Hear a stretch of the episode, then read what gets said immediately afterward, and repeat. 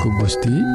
Tepang dangguude sarang Abdi Kang Eli Dina siaran anu maneh di gelombang SW anu disiarkan ti guam nyeta radio Advent Bewara Pangharapan.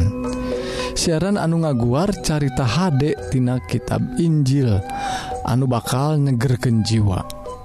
Oge ngaguar ihwal kasehatan raga urang. Haha nupakait jeung cara ngahontal hirup. anu langgengtah parwargi upami parwargi ngaraos diberkahan Atanapi ayah patarosan. Tiasa ngontak Kasim Abdi Dina serat email.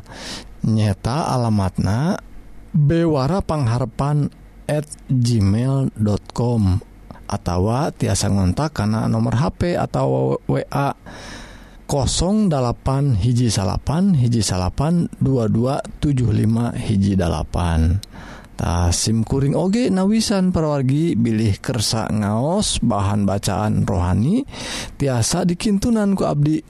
Syarat nama gampil ngan ngirimken alamat anu lengkap ka nomor WA tadi nyata 08 hiji salapan hiji salapan 2275 hiji 8 atau emailna.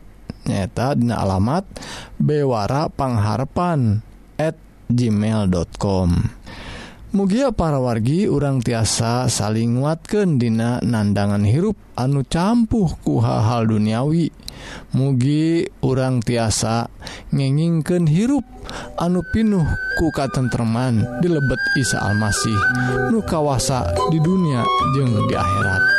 mangga parwargi urang sami-sami ngadangguken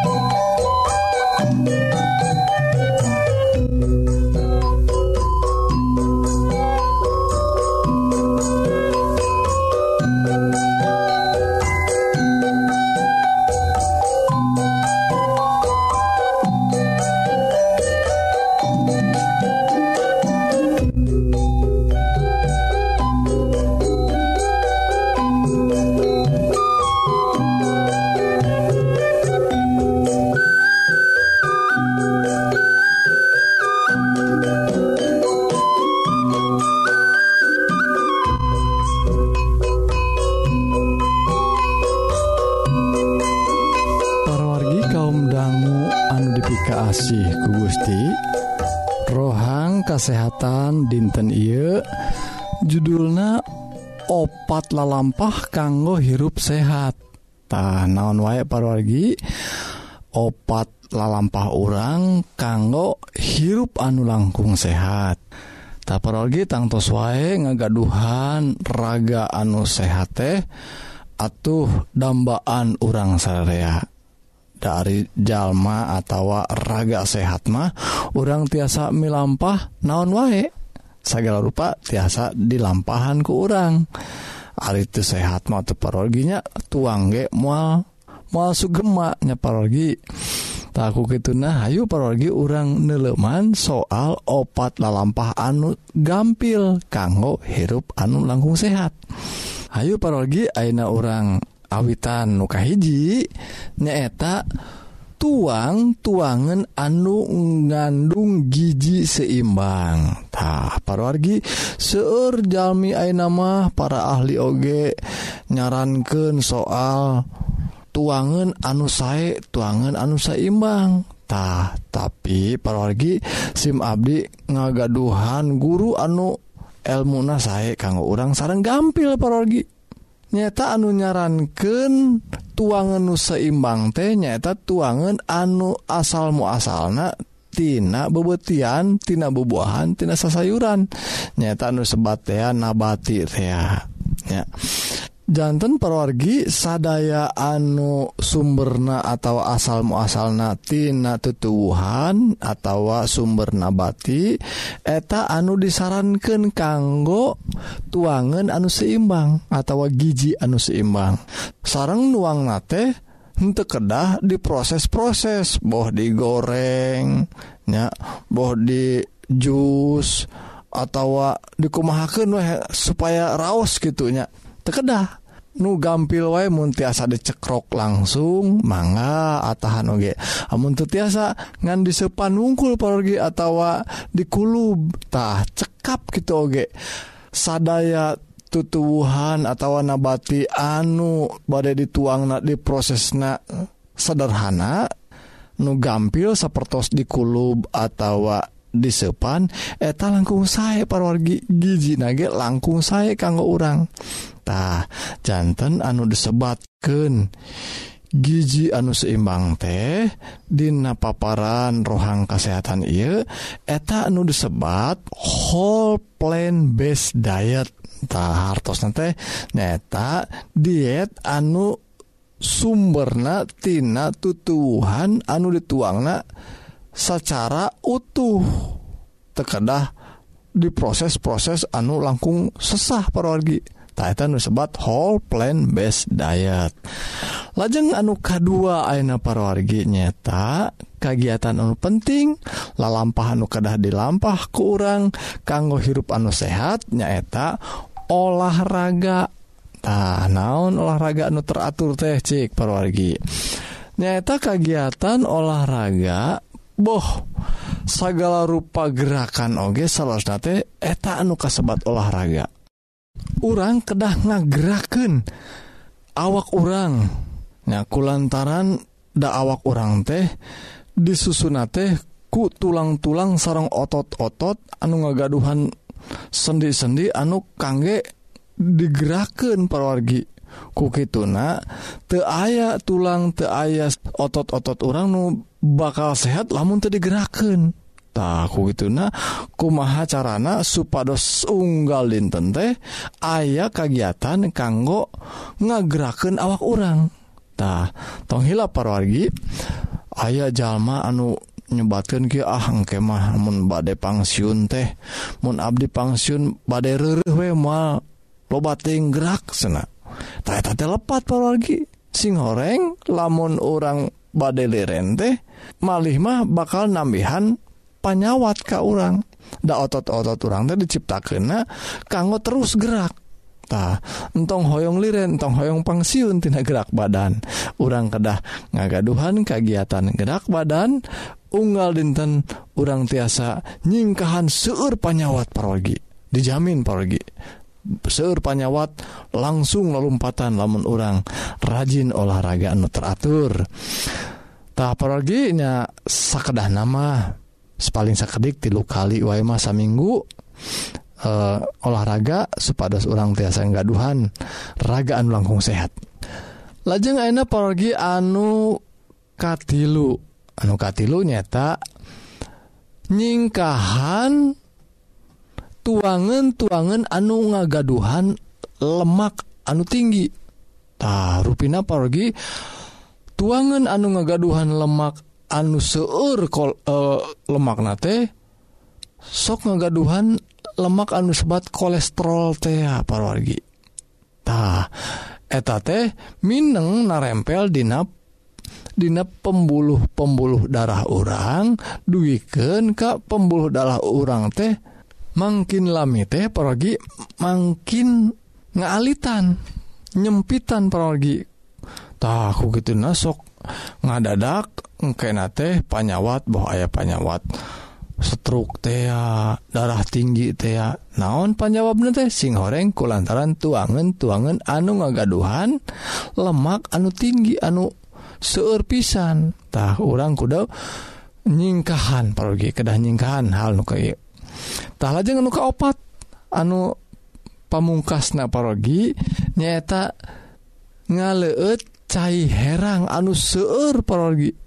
Seur nasaku nya sakadahna paling santena dua letter sadinten teh.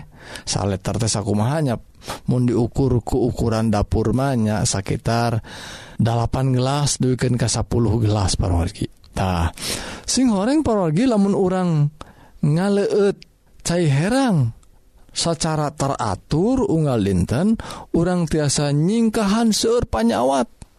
Komo China cair rada hanet perwargitah dianjurkan laun orang unggal enjing waktu gugah bobot ngeleet cair herang orang tiasa ngagaduhan kesempatan kanggo micun nyingkahan panyawat-panyawat. Anu salahna gampil pisan. Aya Jalmi nyebatkan yen nu yen ngaleut cai herang teh sapertos ngaleut obat dewa seorang teh parogi. Tah Iya mah teh sapertos dewa-dewa maksudna teh tapi parogi rupina iya gampil gampil neangan anak oge parogi ya. tekedah di pilarian di peser awis-awis. Tekedah di bumbuan tekedah di bereman tekedah di entehan. Cai herang bakal nyingkahan seueur panyawat. Tah itu nah ayo parogi urang merakteken pola hirup anu sehat ku ngalampahkan opat rupa opat dalampah kanggo hirup sehat. Mugi Gusti ngaberkah amin.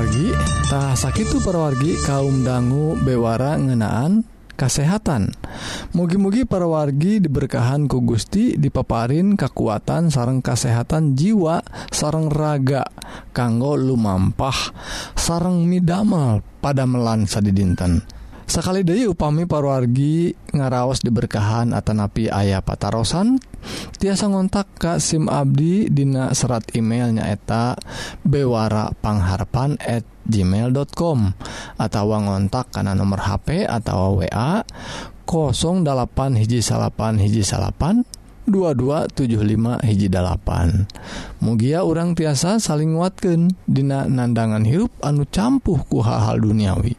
Mugia orang tiasa ngenginkan hirup anu pinuh ku katentreman di lebet Isa Almasih nu kawasa di dunia jeung akhirat.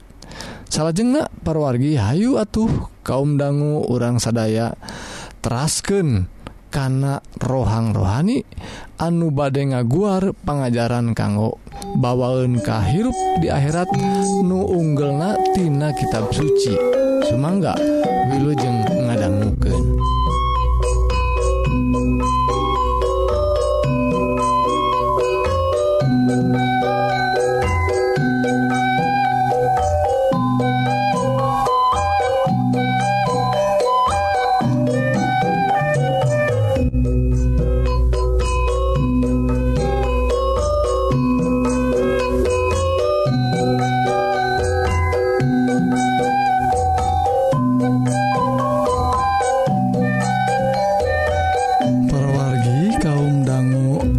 kaasih ku Gusti. Rohang rohani dinten I judulna timbalan nuluhur ajena. Anu diserat Dina Injil Matius pasal anu kalimat. Perwargi upami orang ngadangguken pengajar-pengajar guru-guru Dina agama-agama anu ayat di dunia ia pasti wae ayah hal-hal anu tiasa nyugemaken sareng mawa karena kedamaian hate. Nanging perwargi anu badai dicariosken kusim Abdi nyaeta pelajaran atau timbalan wejangan ti Isa Almasih ngenaan kehidupan orang sakedahna kumaha. Nyata timbalan anu ajena luhur pisan. keuna Ayu parwargi orang ngadangguken sababaraha timbalan anu katingal kattawis ke orang luhur pisan ajena. Dina Matius pasal 5 ayat 13 duken ke16 kia dicarioskeun maranehna di dunya teh minangka uyah. Tapi lamun uyah lengit asina pamohalan bisa diasin kendai gestaya gunana Iwalti dipicen katincakan ku jelemak ayat 14 marane di dunia teh minangka caang. Kota anu ngadeg di luhur pasir mual bisa dibunian. Mual ayah anu nyenget lampu tulu di turuban ku gentong. Tangtu ditenden dina parantina sangkan nyaangan kasakur anu ayah di imah. Cang maraneh ge kudu mencar. Kasararea sangkan dipiconto kalakuan maraneh nu hade. Supaya batur teh ngamulyaken karama maraneh nuju menang di sawargatah eta parori sababaraha timalan anu Luhur ajena. Nyata nuka hiji urang teh disebatkan sepertos uyah. nyata rasa anu tiasa masihan rasa kanu sanes. Sepertos orang ngagunakan uyah kanggo ngauyahan atau masihan rasa karena sayuran karena dengan sanggu tah gitu pergi lamun orang tuang itu diuyahan piraku atuh tekaraos nanaun tah sepertos gitu kehidupan orang teh. orang sakadahana tiasa nguyahan masihan rasa kan sanestah lamun uyah tetiasa masihan rasa Dei nyata uyah nute asin Dei taya gunana. Parwargi Abdi sareng. Parwargi teh Sami munte tiasa masihan rasa tuh tiasa masihan pengaruh anu sae Ka sasama orang urang teh sepertos uyah nute asin aya gunana. Salyan dikumahakannya tadi picen paling katincakan kubatur ogetahsa kedahna sahur Isa Almasih kehidupan orang teh marana teh sauna sapertos uyah Minangka uyah. Lajeng anu kedua perwargi nyata kehidupan orang teh sapertos caang. Ta caang. Tina naon caang teta Ari ayeuna nama panginten caang teh seueur.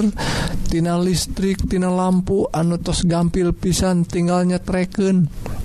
Dari kapung kurma anu dimaksud caang teh nyaeta lampu cempor sapertos gitu parwargi ya, lampu anu diminyakan anu ayah sumbuan. Lajeng disimpan nanti di mana? simpenadina luhur meja paling atauwan anu luhurna Dei Dina palang dada misal na waetah parwargi urang teh kehidupan orang teh sepertos caantah lamun nucaang itu piraku nyimpenak di turubanku gentong saunanya sakadahna disimpen di luhur supaya tiasanya angan kasakur jalma nu aya di maetatah gitu oge. Kehidupan orang sauna kehidupan anu tiasa mancarkan nyaangan karena kehidupan anu sanes. Batur teh atuh rasa hirup deket jeung urang teh caang bengras titinggalian teh. nyata ningali kehidupan orang anu sae kehidupan orang tingkah laku orang teh anu piconten ka Batur. Taketa anu dimaksad kehidupan orang jantan caang ka Batur. Tawa perwargi ia timalan anu luhur ajenati salmasih lajeng perwargi aya Dei nu katilu. Dina ayat 38 aya Dei timbalan mata bayar mata huntu bayar mut bayarku huntu. Nah naon parogi eta teh? Sing horeng parogi di dunia ieu mah lamun orang ditenggel nyeri kena panon orang karena mata orang kudu tenggel dari matana. Altu Ari ditengel huntuna tepikan kacoplok huntu nage kedah ditengel desu depikan kacoplokdah eta timalan ti Batur tidurnya urang. Tananging timalanti sorga mati Isa Almasih sanes gitu Tina ayat 38 disebatkan ayeuna cek kami ulah ngabales kanu jahat kamarane.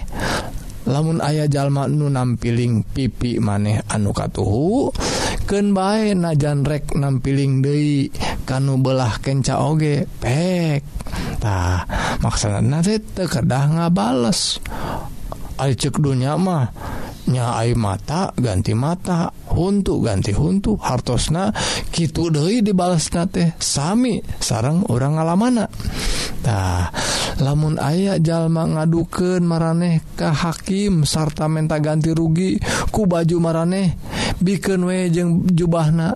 Nah maksudnya naon pralogi menta ganti rugi 100 perak bere we 200 perak gitu. Dan ayo amun anu ngadukeun gitu bikin sakahayangna. Paragi sesah sigana.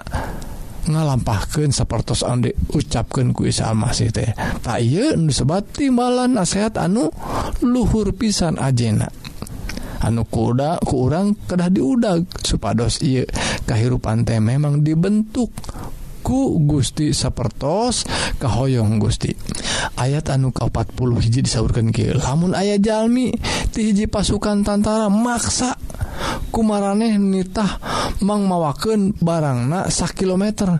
Turutkan we 2 kilometer oge. Nah itu pergi menta sak kilometer diturut kena 2 kilometer. Namun orang di digawe kudu gawe sajam dilewihan gitu naon. Nah eta timbalan anu luhur ajina teh orang tekedah pelit perwarginya kenwe tah pasti ayah babalas anu hade ti Gusti. ayat 42 paragi nu barang penta kudu dibere. Nu hayangan nginjem kudu dibere injem. Waduh sesah pisannya parogi serpisan menta pisan serpisan anu hoyong namut oge namut artos. Kedah dibere saurna teh. Maraneh geus ngadenge yen aya timalan kieu kudunya ah kepada batur. Tah musuh kudu dipika geluh. pernah par parwargi ngadangu kitunya. nya orang kudunya pada Batur tapi ay musumah kudu dipika gelehdah nanging sauur Gusti mah disaurkan ku Isa Almasih sauna Ayeuna cek kami. Kamu suge kudunya ah tuh timbalan tay timalan ajena teh, kamu sogek kudunya ah. Kanu neng teinganen oge kudu ngadoaken supaya maraneh diangken putra kurama anu disawarga manten nama kanu jahat kanu bager kanu bener kanu tebener sarwa bae maparin hujan maparin panas dipasihan parwargi dipasihan berkahna arinya ahngan kanu mikanya ah bae mah. atuh lampah mareh teh naon anu pantas dibales naku Pangeran. Gitu disaurkan ku Gusti Dina ayat 40 genep. Nyaah kanunnya ahun mah tukang mulung pajak Oge bisaun sena osok gitu ngalampah kena Daek someah kabebaturan wungkul mah naon luar biasana. Biasa wae etama nute nyarahun ke ge semet gitu mah geus bisa. tahan luhur ajenang nyatanyaah Ka musuh urang. Anu panungtung perorgi disebabkan dina ayat 48 maraneh mah kudusing sampurna. Saku maharama maraneh nu disawarge sampurna. Tak parorgi mugi-mugi ia dauhan Gusti anu singket dauhan Gusti anu maparin ka urang nyeta nasehat atau timbalan anu ajena luhur pisan. Mugi danten berkah karena tumuwuhna iman orang Gusti nga berkahan Ayu orang nga doa Nun Gusti Ramanu disawarga. Rebu Nuhun syukur Ka Gusti Numaparin ke Abdi sadaya roh suci anu tiasa mukaken H Abdi nampi dauhan Gusti Ieu supados Abdi sadaya tiasa milampah hirup milampah hirup anu Dina jalan-jalan Gusti sapertos disaurkanku dauhan Gusti. Mugi Yepi doa dijabah ku Gusti pulantaran Yepi doa disangaken Dina asmana Isa Almasih juru salamet dunya amin.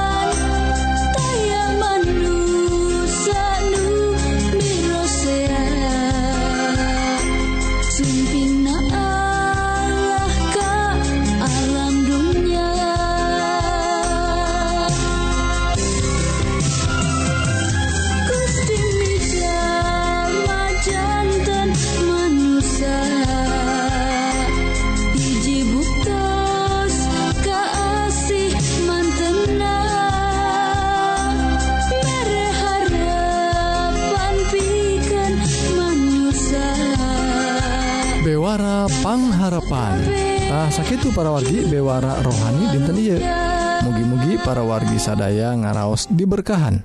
Sarang ngalaman hirup anu tengrem sapparantos ngadanggu dauhan Gusti anu pasti mual ingkar Dina nedunan Jangjijangjiina tahu pami parwargi Hoong diajar dauhan Gusti anu langkung jeruk tiasa ngontak Kasim Abdi Dina serat email nyata bewara pangharpan at gmail.com atau ngontak karena nomor HP atau WA 08 hiji salapan hiji salapan 2275 hiji dalapan.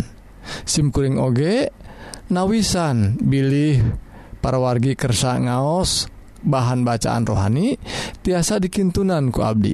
Tah syarat nama gampil.